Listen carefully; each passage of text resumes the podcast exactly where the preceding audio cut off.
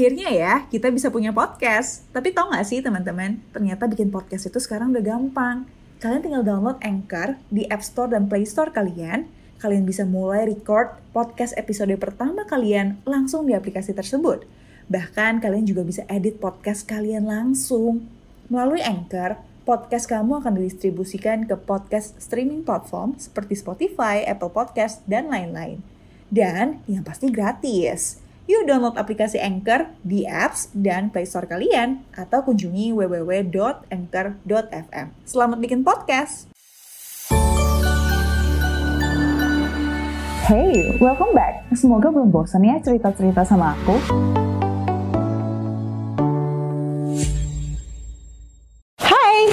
Kabar? Semoga baik dan sehat di sana ya. Dan semoga video-video aku ini cukup asik untuk nemenin kamu lewati masa-masa ini. Kalau kamu teman baru, aku mau cerita tentang series investasi ala-ala aku. Kalau kamu fresh grad yang baru lulus, aku punya investasi ala fresh grad di sini. Kalau kamu bentar lagi mau nikah, aku juga punya investasi ala cowok yang mau ngelamar ceweknya 2 tahun lagi di sini. Nah, kali ini aku mau bikin investasi ala content creator dan kamu yang penghasilannya nggak tetap. Aku akan coba cerita dari perspektif, observasi, dan pengalaman aku sendiri. Pertama, kita define dulu nih profil dan karakteristik dari content creator. Umur, biasanya content creator tuh masih muda-muda, jadi kita ambil contoh 25 tahun. Followers di social media, YouTube ada 50 ribu, Instagram ada 20 ribu, dan di TikTok ada 50 ribu. Hmm, terus apa lagi ya? Segitu cukup lah ya. Semoga lumayan mewakili contoh ini. Kemudian penghasilannya 7 juta per bulan dan pengeluarannya 5 juta per bulan. Ini ceritanya content creator itu adalah pekerjaan utama dia bukan kerjaan sampingan. Nah, next, aku tuh ada nemuin tiga karakteristik yang content creator banget. Satu, sow first, rip later. Itu bahasa Inggrisnya. Kalau Indonesia-nya, nanem dulu, menuainya tuh kemudian banget. Contoh, content creator itu mungkin pas awal-awal tuh nggak ada penghasilan sama sekali. Dia harus bikin konten gratis dulu untuk bisa menarik audiens. Karena siapa yang mau bayar kalau nggak kenal ya kan? Beda banget sama karyawan yang kalau ngantor ya pasti dapat gaji.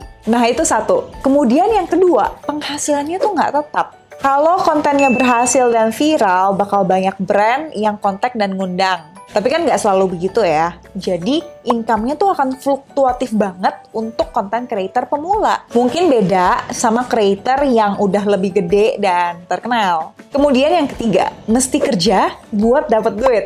Kalau creator nggak bikin konten, nggak ngisi acara, nggak ada job, ya nggak ada penghasilan. Beda banget sama karyawan yang bisa ngambil cuti atau ngantor tapi gabut dan tetap gajian. Oke, okay, next. Investasi ala content creator mesti mulai dari mana nih? Nah, tadi kan penghasilannya 7 juta per bulan. Pengeluarannya 5 juta per bulan, jadi simpelnya dia bisa nabung sekitar 2 juta per bulan. Ketika kita menabung atau berinvestasi, kita itu kan sebenarnya sedang membangun aset nih. Karena seseorang tuh dibilang kaya bukan dari berapa yang dia bisa hasilkan, tapi dari berapa banyak aset atau kekayaan yang dia miliki. Nah, aku ngelihat ya, content creator tuh agak beda. Kita itu punya yang namanya digital asset. Berawal dari bikin konten untuk menarik audiens di social media. Audience, followers, subscribers, ini tuh digital asset bagi content creator. Semakin gede, semakin tinggi juga bargaining power kita ke brand atau sponsor. Karena creator yang followersnya 100 ribu, pasti satu paid kontennya lebih mahal dong daripada creator yang followersnya 10 sampai 20 ribu. Nah, digital asset inilah yang akan menjadi income bagi kita di kemudian hari. Dan ini perlu kita kembangkan Gimana caranya biar audience engagement kita lebih tinggi dan lebih besar lagi? Salah satunya adalah dengan investasi. Tapi bukan investasi di produk keuangan. Kan nggak mungkin kita investasi saham terus tiba-tiba followers kita makin banyak kan? Nggak nyambung. Content creator dan kita semua harus investasi di alat yang bisa bikin kita jadi content creator atau profesi kita lainnya yang jauh lebih baik lagi. Nah, investasinya tuh aku bagi jadi dua, hardware dan software. Satu, laptop yang nggak lemot, apalagi kalau konten kita banyak videonya. Perlu banget invest di laptop yang prosesornya cepat Misalnya kayak Acer Aspire 5 yang aku cobain ini, yang udah pakai prosesor terbaru dari Intel Core 10th Generation Ice Lake U. Jadi bisa lebih cepat dan lancar nyelesain deadline dari klien. Thanks to fitur Artificial Intelligence AI-nya yang terbaru. Apalagi warnanya yang stylish dan unik ini, bikin lebih semangat ngonten gak sih? Anyway, menurut kalian ini warna apa? Ungu kan ya? Buat kita yang mesti selalu kreatif nih, wajib banget untuk bikin suasana kerja kita jadi asik. Entah laptop bagus, meja, kursi, dan hiasan, lampu-lampu, biar kita nggak cepet burnout atau stres. Akhirnya ya, kita bisa punya podcast. Tapi tau nggak sih teman-teman, ternyata bikin podcast itu sekarang udah gampang. Kalian tinggal download Anchor di App Store dan Play Store kalian. Kalian bisa mulai record podcast episode pertama kalian langsung di aplikasi tersebut. Bahkan kalian juga bisa edit podcast kalian langsung. Melalui Anchor, podcast kamu akan didistribusikan ke podcast streaming platform seperti Spotify, Apple Podcast, dan lain-lain. Dan yang pasti gratis. Yuk download aplikasi Anchor di apps dan Play Store kalian atau kunjungi www.anchor.fm. Selamat bikin podcast. Dua, perlu juga kamera nih. Dulu aku tuh pakai Canon EOS 70D yang udah agak jadul sih. Jadi kualitas videonya juga kayak gini di video-video aku sebelumnya. Nah, biar nggak ngecewain brand dan penonton nih, aku juga invest di kamera ini yang baru Sony A6400 yang lebih bagus dan lebih tinggi resolusi gambarnya. Jadinya ukuran video juga makin gede kan. Untungnya laptop Acer Aspire 5 ini udah dilengkapi dengan memori Intel SSD Optane yang bisa bikin transfer data dari memory card nih ke laptop tuh 4 kali lebih cepat. Speednya bisa sampai 40 GB per second karena ini udah pakai Thunderbolt 3.0. Ketiga, wajib juga punya mic yang bagus. Ini I can relate banget sih. Dulu aku tuh beli mic yang boya 100 ribuan gitu. Beli sampai 2-3 kali dan selalu rusak, nggak tahu kenapa. Akhirnya aku beli Saramonic Bling 500 V2 ini uh, harganya 3 jutaan. Lumayan mahal sih.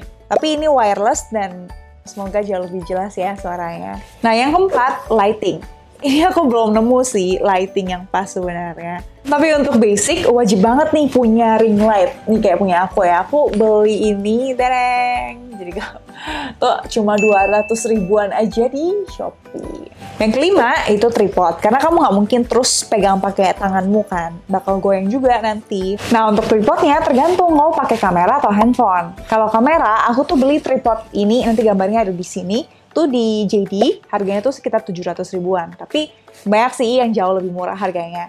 Nah, kalau untuk smartphone aku pakai yang ini gitu biar bisa berdiri di meja, taruh di meja. Ini mereknya Blade Wolf ya kalau nggak salah. Belinya di lupa di mana. Harganya sekitar 100 ribuan aja sih ini. Kemudian selain hardware, software seperti apps untuk ngedit itu juga penting banget. Kalau aku pribadi tuh subscribe Canva Premium 1,7 juta per tahun. Oke banget sih menurut aku. Apalagi kalau kita sering bikin konten untuk di Instagram feed atau Instagram story. Nah, untuk melihat mahal atau murah tuh jangan lihat dari nominal harganya doang. Tapi lihat juga dari berapa sih yang bisa dihasilkan dari investasi kita ini.